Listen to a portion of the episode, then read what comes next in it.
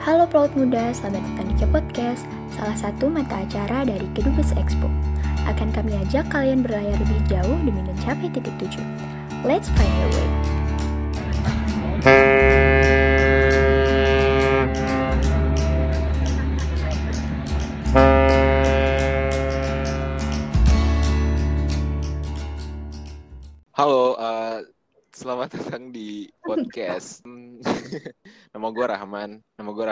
Dari alumni SMA 12. Gue uh, angkatan 2019 dan gue sekarang udah kuliah di uh, Universitas Brawijaya program studi teknik lingkungan. Dan di sini gue ditemani sama tiga orang uh, dari alumni SMA 12 juga. Nih, mungkin yang pertama bisa dari uh, Adrian dulu ya. Silakan Adrian. Oke, thank you man. Kenalin semuanya, nama gue Adrian. Gue dari alumni SMA 12 juga, angkatan 2019. Dan sekarang gue lagi ngambil jurusan teknik kelautan di Institut Teknologi 10 November ITS Surabaya. Bakal jadi pelaut nih sepertinya nih, Ih, Adrian. Tabu. Emang doakan saja. Oke, Amin. amin. Kita doakan ya di sini. Oke, selanjutnya dari Oh, Indri. Silakan Halo Indri. semuanya, halo. Jadi, um, Halo. kenalin nama aku Indri, aku alumni 12 juga, uh, lulus baru baru lulus jadi angkatan 2020. Sekarang aku kuliah di Akademi Pariwisata NHI Bandung jurusan pastry. Wih, keren Wih. banget. Mungkin bisa diceritain sedikit kali ya. Oke oke. Jadi kalau teman-teman tahu ada yang namanya kan eh, STP nih Sekolah Tinggi Pariwisata. Nah Iya. kalau di Bandung itu STP itu dibagi jadi dua, ada yang swastanya dan ada negerinya. Kebetulan eh, gue masuknya yang di swastanya Akademi Pariwisata NHI Bandung. Jadi Wih. eh, isi isi kuliahnya tuh semuanya berhubungan dengan pariwisata. Nah salah satunya tuh pastry dan sekarang lagi eh, ngambil jurusan itu. Gitu. Wih. Pasti kerjanya jalan-jalan mulu gak sih? Eh kerjanya masak nanti. Oh, Oke, masak. Iya. Jadi koki, chef. Iya Mungkin mungkin kita nanti bakal cerita lebih banyak ya. Eh, Aku lanjutin dulu nih ke Dias. Silakan Dias.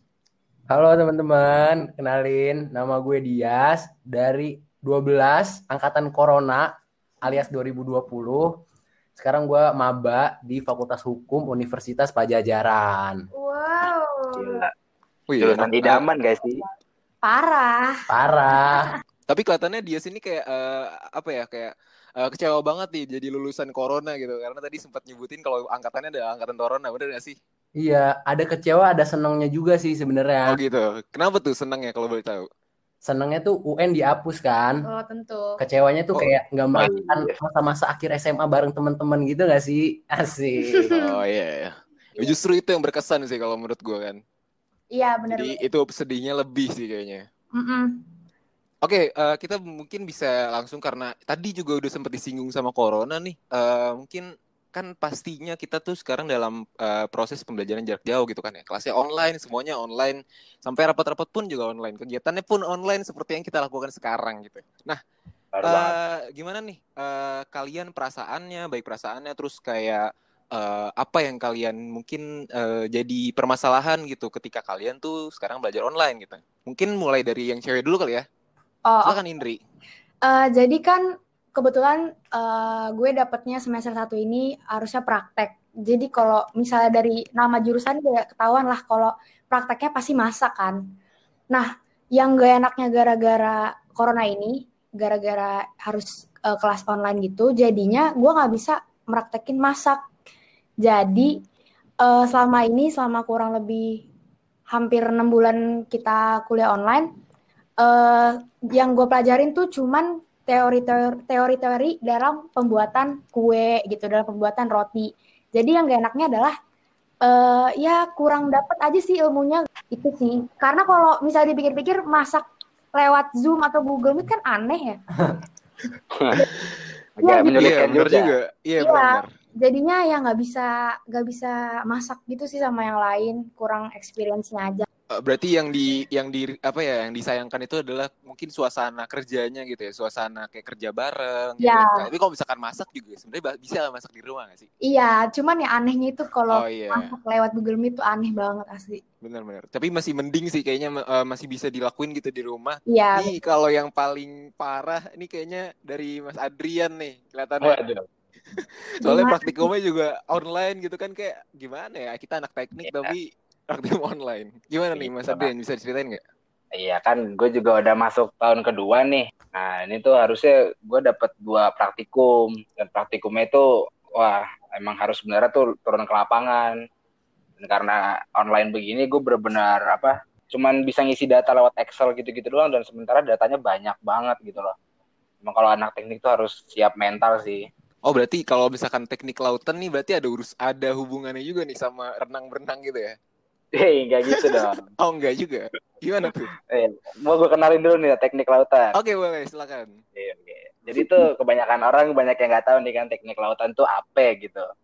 Nah, orang tuh banyak yang apa ya misinformasi gitu. Kebanyakan ngiranya tuh eh, kita tuh bakal berenang, bakal jadi pelaut itu tuh enggak. Kita tuh sebenarnya sebutannya itu teknik sipil basah. Kita sama kayak sipil, cuma kita basah karena kita kerja di laut gitu. Oh Jadi- berarti oh, ya ya, ya. Kita pelajari itu ngebangun bangunan gitulah, tapi bangunannya bangunan lepas pantai kayak gitu-gitu. Oke. Berarti intinya ngerancang cuman bangunan yang ada di lepas pantai gitu ya? Iya, sama yang ya pokoknya sekitar pantai yang berhubungan dengan laut lah. Kapal juga termasuk. Kita juga bakal ada belajar, ada intinya tuh kalau yang di ITS ya, itu ada enam bidang apa kayak penjurusannya gitu nanti. Jadi ada bagian buat yang apa struktur bawah laut, ada yang tentang lingkungan laut dan energi kayak gitu-gitu. Ada juga yang tentang oil rig, pembangunan strukturnya, materialnya kayak gitu-gitu. Iya. Eh, mungkin eh, aku pengen lanjut ke Dias karena juga ini cukup menarik juga karena menjadi jurusan favorit yang ada di seluruh anak SMA gitu ya mungkin ya. Ya gimana Dias eh, tanggapannya tentang eh, Fakultas Hukum itu? Fakultas Hukum itu dia salah satu fakultas yang cuma punya satu jurusan. Jurusannya itu ilmu hukum. Kebanyakan sih kayak gitu di Indonesia. Jadi kalau dibilang fakultas hukum ya berarti cuma ada satu jurusan yaitu ilmu hukum. Emang sih setiap tahunnya tuh eh, fakultas hukum itu selalu menjadi eh, peminat terbanyak lah gitu. Kalau di SBM maupun di SNM dan kuotanya pun juga banyak gitu. Seperti kita tahu lah univ mana sih yang nggak ada hukumnya? Mungkin cuma beberapa cuman kebanyakan pasti ada fakultas hukumnya di univnya. Kayak gitu sih. Oke, eh fakult eh, univ mana yang nggak punya hukumnya pasti oh, univ-universitas yang eh, Teknik di depannya institut. Eh, tapi kalau misalkan apa ya eh, di kira-kira misalkan eh, dari anak-anak hukum sendiri itu apakah hanya memiliki kayak satu tujuan yang eh, untuk dicapai gitu? Apa gimana gitu? ya jadi sebenarnya sih kita jurusannya tuh lebih kayak ke program kekhususan namanya khususnya di Unpad ya jadi itu nanti kita di semester 5 bakal milih program kekhususan kita jadi itu ada hukum pidana hukum perdata hukum ekonomi dan lain-lainnya nah di Unpad itu salah satu fakultas hukum yang program kekhususannya itu setiap tahunnya selalu update gitu jadi mengikuti perkembangan zaman contohnya nih yang paling terbaru ada program kekhususan yang namanya transnasional bisnis Atau Eh, mungkin sorry dia nih, mau kayak motong. Gue pengen nanya ke Dias dah. ya kenapa kak. Gue boleh gak nih nanya ke Dias? Yes. boleh ya Nah, gue kan bagi anak IPA kan nggak terlalu tahu nih tentang apa jurusan hukum gitu kan. Nah, yang gue tahu tuh apa seawamnya gue eh, jurusan hukum tuh eh, fakultas hukum tuh nanti gede jadi semua jadi pengacara apa ada job-job lain sih? Nah, pasti banyak nih yang mungkin sama kayak kakak mikirnya kalau fakultas hukum ya udah jadi pengacara, jadi hakim, jadi jaksa. Sebenarnya enggak kok. Fakultas hukum itu salah satu fakultas yang cakupan prospek kerjanya tuh luas banget. Kayak sekarang perusahaan mana sih yang nggak butuh orang hukum? Jadi kayak kalau nama nama kerennya gitu legal gitu. Di setiap perusahaan tuh pasti butuh orang legal gitu, kayak yang Hmm. ngurus perjanjian, yang ngurusin kontrak. Itu setiap perusahaan pasti perlu orang hukum. Dan kayak di bank yang kayak gitu. Jadi nggak melulu kalau ngomongin hukum tentang jaksa, tentang pengacara, tentang hakim itu juga memang salah satu yang diminatin sih. Dan aku ngerasa fakultas hukum itu salah satu fakultas yang mempunyai prospek kerja yang emang bisa dilakuin oleh orang yang background hukum gitu. Nggak bisa digantiin oleh sarjana lain gitu, gelar lain kayak misalnya hakim, jaksa, panitra, notaris kayak gitu. Jadi walaupun Oh, anak hukumnya banyak, tapi lapangan pekerjaannya juga luas kok gitu. Oh. gitu. Oke, oke. Eh, BTW mau nanya dong. Nah, nih, Man. Eh, aku dulu dong. Monggo, Ndri, monggo. Oke. Jadi, eh, tadi kan kita, eh, Kak Rahman udah nanya ini kita-kita. Kalau Kak Rahman sendiri gimana nih eh, experience-nya selama kuliah online?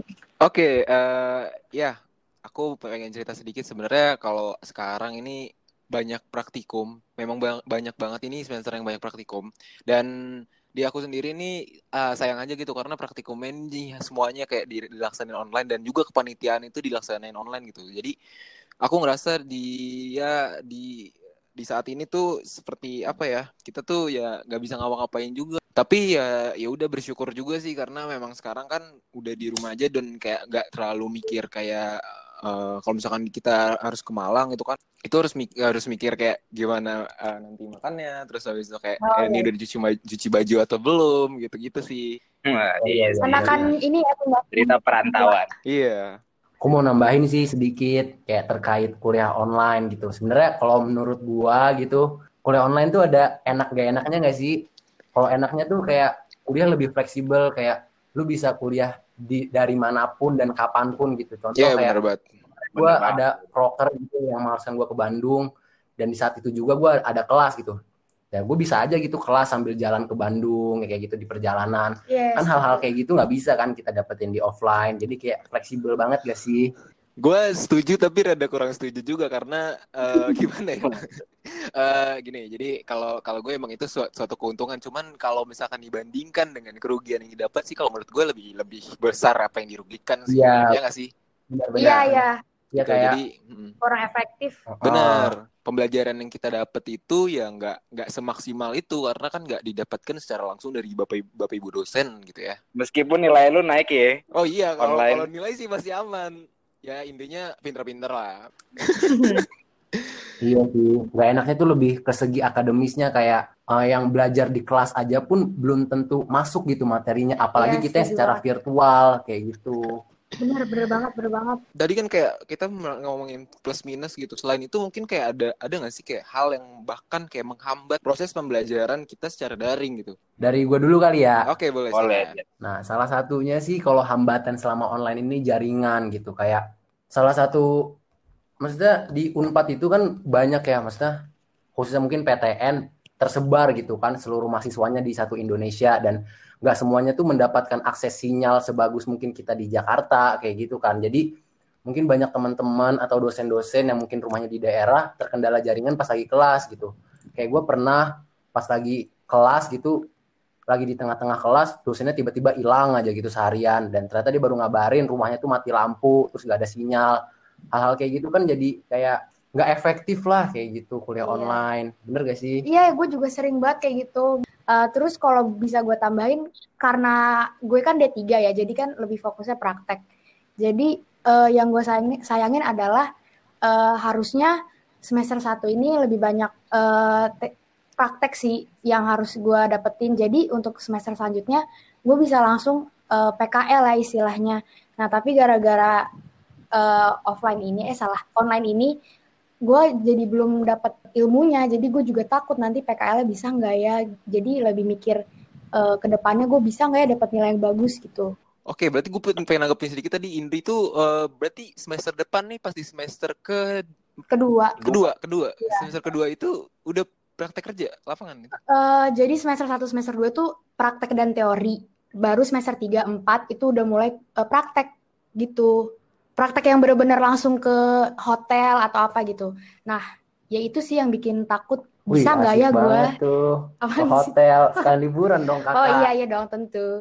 Cuma di luar dari jaringan dan eh, kayak koneksi internet gitu, ada nggak sih kayak kendala-kendala yang di luar dari hal itu gitu? Ya, kalau dari gue sendiri sih mungkin kendalanya lebih kayak non akademis sih kayak contohnya kayak proker, kepanitiaan, organisasi, terus kayak berkenalan. Oh iya. Kan khususnya gue maba nih kan, kayak gue belum punya temen gitu kan kenalan di sana, belum punya kenalan cutting yang kayak gitu-gitu, tiba-tiba harus online gitu, kayak yang kenalan sama temen lewat via online kayak gitu, nggak bisa banget kayak gitu yang kayak langsung halo gini gini gini. Itu kayak susah banget buat diri gue jadi itu salah satu kendala sih buat nyari temen di masa pandemi kayak gini itu susah. Iya karena mungkin emang baru masuk juga ya terus habis itu dihadapi dengan online jadi kayak wah awkward parah sih teman-temannya ya nggak sih? iya awkward banget Oke kalau dari yang lain nih ada ada kayak kendala atau kayak permasalahan yang mungkin bisa menghambat gitu dari kuliah online-nya? Menurut gua sih kecenderungan dosen lebih ngasih banyak tugas ya. Jadi harus makin bisa jago manajemen waktu lah Oh iya di situ sih Bener. tantangannya. bener banget ya terlebih harus mengurus adik gitu ya. Waduh, itu bener banget mana. Ada adik kecil kan di rumah. Oke, Oke, em, karena kayak kita udah masuk nih, kita udah istilahnya udah berhasil menapaki step pertama karena banyak step setelahnya di ketika kita sudah lulus gitu ya. Nah, kira-kira motivasi apa sih yang kayak wah, gue pengen banget nih masuk ini, pengen masuk ke jurusan atau eh, program studi yang kalian eh, jalani sekarang gitu. Kalau dari gua sendiri ya, eh, mungkin alasan gua pertama kali tuh tertarik sama jurusan gua tuh teknik kelautan gara-gara eh gua tuh pertama tuh cita-cita gua, gua tuh pengen banget kerja tuh nanti di laut, di pantai kayak gitu-gitu. Jadi gue bisa kerja sambil santai kan. Dan gue pengen suka banget sama pemandangan laut. Terus setelah gue cari-cari tuh jurusan yang cocok dengan IPA juga ya. Dan gue juga nggak mau nih ilmu gue sia-sia gitu kan. Gue belajar fisika, matematika kan di SMA ternyata percuma gitu. Nah gue pakai. Nah, udah gue lihat-lihat teknik lautan bagus juga nih di ITS gitu kan. Akhirnya gue memutuskan dari kelas berapa ya? Gue tuh pengen masuk teknik lautan di ITS gitu. Itu sih alasan utama gue. Oh. Berarti Kalau kalau perjuangannya gimana Kak? Lancar gak? Wah, perjuangannya tuh gue dulu kan les ya. Mm-mm. Lesnya itu gue dulu, ini gue boleh nyebut merek kagak nih ya? boleh, boleh. Boleh. Jadi gue tuh dulu les GO kan. Oh, Sementara semua teman-teman gue kan intent tuh. Perjuangan gue tuh eh, di GO tuh ya karena gue beda sama teman-teman gue juga. Jadi gue harus belajarnya beda sendiri gitu kan. Cara belajarnya beda, apa yang dikasih kayak gitu-gitu. Nah, gue juga istilahnya banyak belajar otodidak lah. Jadi agak-agak struggle juga itu kelas 12. Tapi emang bimbel yang eh, gambar gajah itu emang Mm-mm. harus lebih banyak otodidaknya ya. iya benar sekali. Dikasih buku banyak tapi nggak harus Dikasih- dikerjain. Iya. Benar-benar kayak kita kalau misalkan nggak di start mulai dari diri kita sendiri itu kayak nggak bisa gitu. Karena Karena self improvement. Iya, karena itu bukan tipe saya banget. Makanya saya, saya masuk ke bimbel yang inten gitu. Oh iya. Lanjut ke eh, yang selanjutnya itu dia ya. Oke, mungkin ini sedikit flashback kali nggak apa-apa ya kak? Iya benar. Boleh. Silakan, silakan.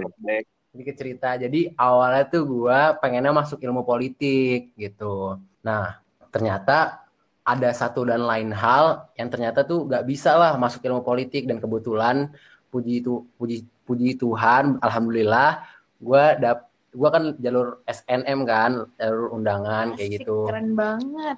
Ya. nah, di jurusan nah di 12 kan mungkin kalian tahu sendiri lah kayak satu jurusan misalnya maksimal dua orang mungkin beda-beda di setiap angkatannya. Nah karena ada beberapa hal akhirnya gue nggak jadi milih ilmu politik. Dan gue ngerasa salah satu jurusan yang masih beririsan juga dengan ilmu politik itu salah satunya fakultas hukum. Tuh akhirnya alhamdulillah bisa masuk di fakultas hukum gitu kan. Struggle-nya sih itu sih paling kayak yang awalnya milih-milih jurusan terus kayak bersaing sama teman sendiri gitu pilih-pilihan jurusan gitu apa tendang-tendangan gitu kan. Itu sih paling struggle ya cuman selama di FH gitu kan setelah masuk mungkin lebih kayak ke mitos-mitos gitu yang sering muncul di masyarakat tuh kalau fakultas hukum kayak yang mungkin harus suka ngafal kayak gitu. Sebenarnya tuh enggak. Di fakultas hukum tuh kalian dituntut buat berdebat dituntut buat kalian berpendapat. Tapi di pendapat kalian itu harus berdasar harus ada landasannya. Dan itu landasannya tuh nggak harus kalian hafal tapi at least kalian tuh bisa baca. Nah fakultas hukum tuh cocok banget buat kalian tuh yang nggak suka MTK nah gue kan nggak suka nih sama MTK nah di fakultas hukum itu nggak ada MTK guys. Jadi kayak di fakultas hukum tuh paling ada MTK tapi nggak kayak mata kuliah matematika tuh nggak ada. Paling cuman kayak di hukum waris gitu ada matematikanya seringan aja. Mungkin lanjut ke Oke. ini kali ya. Oh, iya iya. Boleh boleh. Jadi ini rada kalau mau ceritain soal ini, rada ini sih rada mundur tiga tahun yang lalu. Wow, jauh banget Iya kayaknya. jauh memang. Jadi awalnya tuh dari SMP emang gak mau masuk SMA. Maunya tuh masuk SMK. Eh, kenapa Oke. SMK? Karena mau ambil tata boganya. Udah seneng nih karena nem bagus banget. Gak ada yang biasa aja. Cuman di atas rata-rata lah yang yang daftar ke tata boga ini. Cuman yang menghalangi menghalangi gue untuk masuk adalah tinggi badan. Jadi tinggi badan gue kurang. Jadi akhirnya masuklah SMA oke. Terus SMA gue udah kayak oh yaudah gak apa-apa gak usah masuk tata boga. Jadi kenapa mau masuk tata boga tuh intinya gue mau lanjut lagi di luar untuk keluar tuh at least ada sertifikat sertifikasi lah intinya dan bisa didapetin lewat uh, eh, SMK ini. Cuman gara-gara nggak masuk SMK, gue kayak move on lah. Gue cari um, jurusan yang mau gue masukin saat kuliah nanti. Akhirnya uh, gue pengen banget masuk ilmu komunikasi. Nah, uh, lebih tepatnya manajemen komunikasi di Unpad. Terus uh, gue daftarkan tuh dari SNM Puji Tuhan, haleluya. Alhamdulillah. gue dapat kota SNM. Yang mas uh, yang masukin manajemen komunikasi itu kayak cuma satu deh, gue doang. Tapi nggak keterima. Oke, nggak apa-apa karena gue tahu SNM gak jelas kan ya apa penilaiannya. Terus uh, akhirnya SBM. Setelah ngerjain UTBK pede banget gitu karena karena lancar. Terus pas pengumuman lancar juga ya. ah, diem lu. Uh, nggak nggak keterima juga lewat SBM. Nah oke, okay. habis itu uh, sebelum sebelum pengumuman SBM tuh emang udah cari-cari cadangan gitu. Nah salah satunya STP tadi Sekolah Tinggi Pariwisata Bandung. Cuman bodohnya saya adalah saya nggak lihat websitenya. Jadi di websitenya itu disuruh masukin uh, rapot bahasa Inggris. Terus baru lihat itu pas ha hamin berapa jam pengumuman akhirnya kan nggak keterima tuh STP. Uh, eh, terus akhirnya beberapa hari setelah STP uh, eh, apa ngasih tahu pengumuman, gue di email lah sama Akpar NH ini untuk uh, join di kita aja nih, masuk aja, registrasinya gratis. Akhirnya udah kan keterima, eh daftar. Terus beberapa hari setelahnya langsung keterima nih. Akhirnya kayak oh aman nih cadangan udah aman.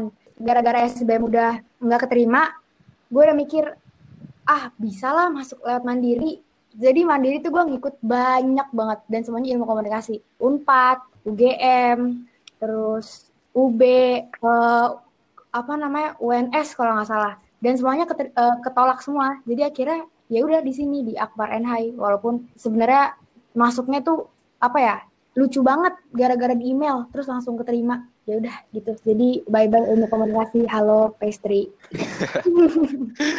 ini menarik juga karena uh, tadi yang awalnya pengen masuk SMK ternyata ceritanya lebih panjang lagi tiga tahun ke belakang bukan hanya struggle di kelas 12 gitu. Dan uh, ini mungkin kayak lebih ke arah mengejar passion gitu ya? Iya betul betul banget. Tapi tapi kenapa sempat kepikiran buat mi, uh, milih ilmu komunikasi tadi? Pertama kan gue IPS yang kedua gue gak mau hukum karena gue itu sih uh, stereotip orang-orang kalau hukum kan harus bisa ngafal gitu gitu Terus gak mau ekonomi karena gak suka ekonomi akuntansi. Terus kalau sastra uh, seru sih, cuman akhirnya berujungnya ke ilmu komunikasi karena uh, ilmu komunikasi itu menurut gue luas banget dan kayaknya asik untuk dipelajari lebih lanjut gitu. Jadi milihnya ilmu komunikasi gitu.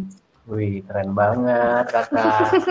nah, kan gue udah nih, kan kita sama-sama teknik nih man ya. Gue tuh pengen tahu kenapa sih lu milih teknik lingkungan. Oke, okay, uh, eh, kalau gue gue ditanya kenapa sih gue milih teknik lingkungan? Pertama, karena awalnya tuh gue pengen masuk sipil juga. Jadi kayak uh, mungkin ada ada ada hubungannya juga sama yang lo bilang tadi karena lo pengen sipil bahasa, gue pengennya teknik sipil. Nah, hmm. tapi karena di UTBK tahun 2019 itu uh, kan sistemnya adalah nilai keluar duluan, lalu kita milih gitu.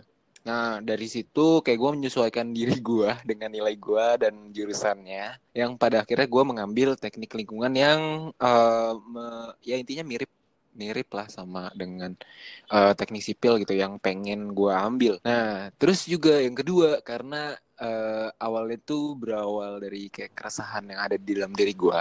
Kenapa? Karena gue lihat uh, bumi kita bukan terkhusus pada Indonesia aja. Ini sebenarnya tuh sudah dalam kondisi yang buruk gitu ya. Bisa bilang buruk kenapa? Karena dari uh, secara keseluruhan gitu ya, secara keseluruhan yang yang sekarang sedang terjadi itu adalah uh, pemanasan global itu atau hmm, climate change yang masuk dalam uh, 17 SDGs. Nah, itu jadi concern uh, utama juga yang uh, menimbulkan tadi atas dasar keresahan gue jadi menimbulkan rasa kepedulian gue atas hal ini dan jadinya gue masuk ke teknik lingkungan yang ada kaitannya dengan uh, ya pelestarian lingkungan dan pengolahan limbah gitu ya.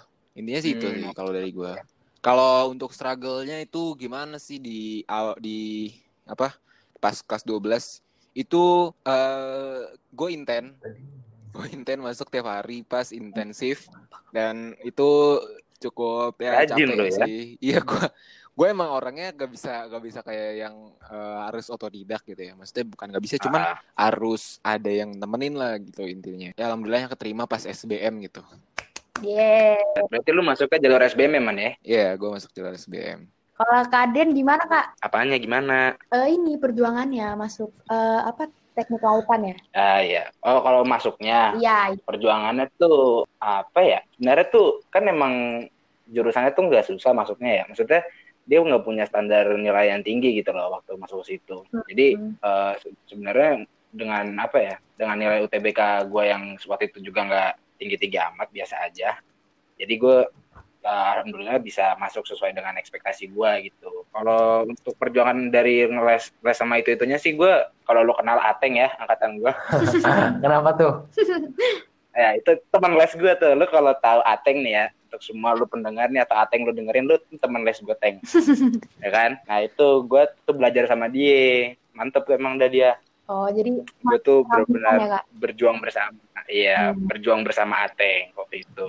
itu menarik sih hal yang yang patut dibanggakan. Bangga sekali gue.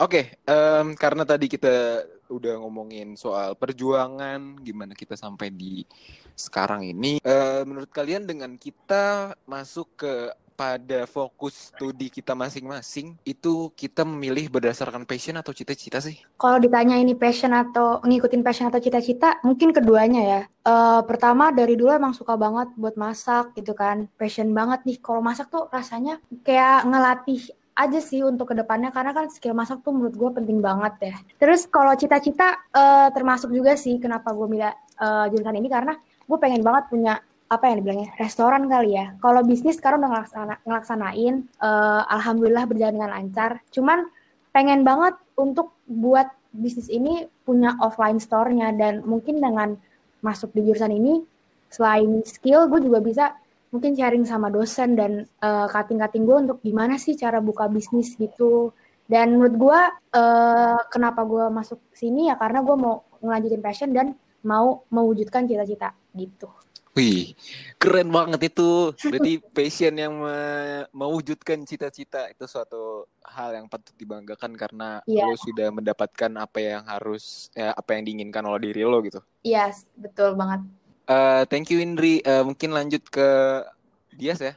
Jadi kalau dibilang passion atau cita-cita, kalau gue pribadi sih lebih ke cita-cita. Jadi cita-cita gue tuh kan kepengen banget jadi pengacara gitu kan. Kayak nonton-nonton gitu dulu zaman-zaman lagi liburan kan nonton-nonton Netflix kayak gitu kan. Terus kayak jadi pengacara kayak keren aja gitu kan. Ngebela orang kayak gitu. Tapi masih banyak juga nih orang-orang yang kayak salah kaprah juga misalnya kayak terkait cita-cita gue nih sebagai pengacara. Banyak orang yang bilang kalau pengacara itu ngebela orang yang salah kayak gitu, ngebenarin orang yang salah. Sebenarnya menurut gua itu salah satu stigma yang muncul di masyarakat yang salah terkait prospek kerja di fakultas hukum salah satunya pengacara. Jadi pengacara tuh sebenarnya nggak ngebela orang yang salah kok, bukan ngebela, ngebenerin perilaku dia yang salah, contoh kayak pencurian, pembunuhan. Kita nggak ngebenerin kasusnya mereka, tapi kita ngebela hak-hak yang masih mereka punya. Jadi lebih ke cita-cita sebenarnya kalau masuk fakultas hukum. Berarti bukan bukan ingin membela apa yang dia ah, dan membenarkan apa yang dilakukan, tapi supaya si terdakwa atau tersangka ini mendapatkan hak-hak eh, ketika dia ditangkap gitu istilahnya. Ya, bisa dibilang kayak gitu. Jadi kita mempertahankan hak-hak yang dia punya, kita bela kayak gitu kan.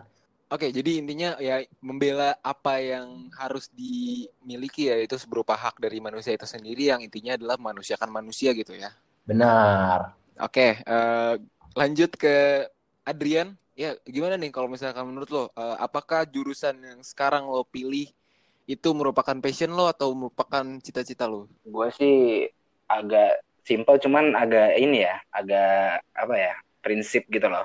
Kalau gue sih sebenarnya pertamanya karena cita-cita juga kan, kayak yang tadi gue jelasin, sesuai gitu. Nah terus tapi kalau menurut gue passion itu mengikuti gitu, karena gue punya apa prinsipnya itu love what you do gitu kan. Jadi apa pun yang gue end up di mana pun gitu gue ada di mana pun gue harus berusaha untuk mencintai apa yang gue lakuin jadi menurut gue passion itu mengikuti dari apa pilihan gue dan di mana gue berada gitu oke mantap berarti uh, dengan kalau misalkan dikaitkan dengan cita-cita berarti sudah ininya dengan passion lo uh, ya intinya sudah sesuai gitu dengan apa yang lo cita-citakan benar gak sih Insya Allah udah. Oke. Okay. Berarti nggak jauh beda lah dengan Indri ya kayak misal uh, lo memiliki suatu passion dan passion lo tersalurkan lalu si passion lo akan menjadikan uh, akan yang nantinya uh, bakal menjadi cita-cita lo di uh, masa yang akan datang gitu. Iya, Kalau lu gimana, Man? Lu udah nanya semua orang nih. Kalau lu sendiri gimana menurut lo?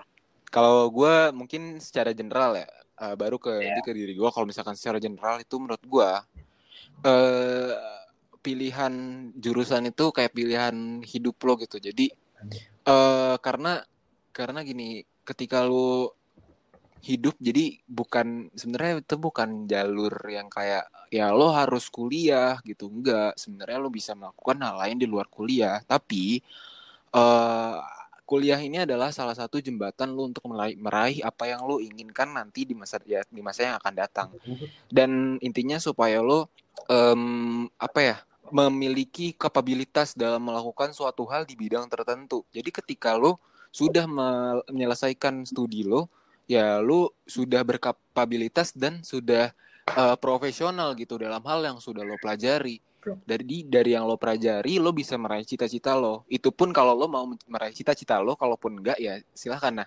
uh, contohnya gue uh, bukan tujuan gue untuk menjadi seorang konsultan lingkungan, tapi tujuan gue sebenarnya pengen jadi pengusaha. Kenapa ini adalah dua hal yang beda? Karena, nah tadi yang gue pikirin adalah uh, kuliah ini sebagai jalan atau jembatan yang menghubungkan supaya gue mendapatkan kapabilitas itu. Ketika gue nggak dapetin kapabilitas itu, gue nggak bisa jadi uh, yang nggak bisa diterima gitu di mana-mana gitu. Intinya gitu sih. Karena kan semuanya itu butuh uang ya. Jadi ketika gue udah berkapabilitas, gue mendapatkan uang dari gue kerja di tempat sesuatu baru gue mewujudkan cita-cita gue gitu sangat ini ya apa ya impresif impresif sekali ya tidak menyangka jawabannya bakal seperti itu gitu dari seorang man-man kan ya itu mungkin apa ya uh, jawab mungkin kayak jawaban juga jadi buat teman-teman yang dengerin podcast ini dan ya, kayak bukan berarti kayak Ya benar penimbangan. Dan kepo adalah wadah yang tepat buat kalian. Betul banget. Menuju cita-cita kalian.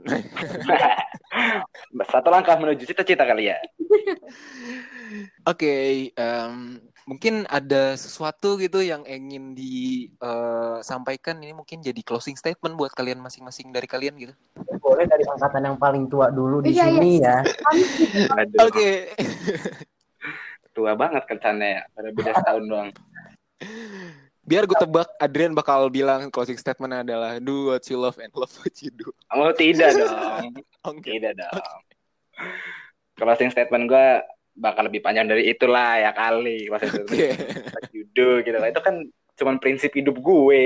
Oke okay, boleh. Ya kalau dari gue sih closing statementnya adalah kalian tuh ini adalah wadah yang bagus ya untuk dimanfaatkan gitu.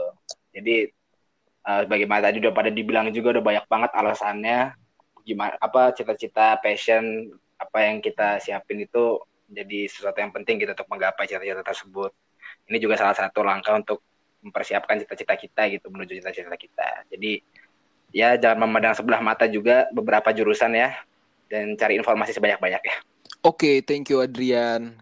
Tadi katanya mulai dari yang lebih tua mungkin lanjut ke gua kayaknya. Boleh man. Lanjutin man. Dari gua mungkin ya gue harap kalian harus lebih terbuka pikirannya karena memang kuliah sepenting itu. Terus ya udah kalian harus cari informasi sebanyak-banyaknya. Terus juga um, kepo ini wadah yang yang tepat karena ini berdasarkan pendekatan juga. Maksudnya kan kita udah ada kedekatan sebelumnya yang ya kita bukan orang yang jauh gitu. Kita adalah alumni kalian dan kalian bisa bertanya gitu soal apa aja sih yang ada di uh, dunia perkuliahan gitu kan. Jadi uh, luruskan niat gitu ya, luruskan niat karena uh, niat dari dalam diri sendiri itu hal yang sangat penting dan bukan hanya tugas peran kita di sini yang mengajak kalian untuk ayo dong uh, peduli dan terbuka mencari informasi tentang kuliah. tapi harus dari diri kalian karena itu adalah lebih penting daripada kita yang mengajak. Thank you. Benar sekali, mantap. Tepuk tangan dikit kali, A. Oke. Los, Lanjut los. ke Dias. Angkatan muda, angkatan muda. Angkatan muda. Nah, boleh deh Indri dulu nih, kata Ah. udah siap. apa enggak enggak, enggak. Kalau kalau gue kalau dari gue sih eh, sesuai dengan pengalaman aja kalau walaupun kalian nggak keterima di eh, universitas yang kalian inginkan kayak apa pun itu ke depannya kalian jangan kayak merendahkan diri kalau aduh gue gue nggak bisa nih gue nggak sukses enggak bukan bukan nggak sukses cuman lo akan sukses pada waktunya jadi percaya aja eh, pakai waktu sebaik mungkin untuk mengembangkan diri lo apa dari dari apa mental lu terus juga ilmu lu jadi eh, apa ya untuk melanjutkan step-step selanjutnya lu lu pasti bisa Eh, yang penting lu percaya aja sama diri lu sendiri dan nggak boleh nggak boleh patah semangat makanya guys ikut kepo apaan sih guys Wih. Berarti motivasi itu penting gitu intinya ya. betul betul Tuh. Oke, terakhir dari Dias. Oke, mungkin uh, closing statement gue lebih menyeluruh. Ini pengalaman gue dan angkatan gue tahun lalu. Mungkin bahasa kasarnya pesan buat kalian tuh jangan terlalu mendewakan sebuah alma mater atau Benar sebuah banget. institusi dan universitas dan merelakan jurusan dan fakultas yang emang kalian mau dan pengen. Jadi karena kalian ngerasa oh gue harus masuk di salah satu alma mater ini, salah satu institut ini dan kalian merelakan jurusan-jurusan yang udah kalian emang pengen, yang passion kalian demi mencapai sebuah alma mater itu jangan gitu kalau menurut gua.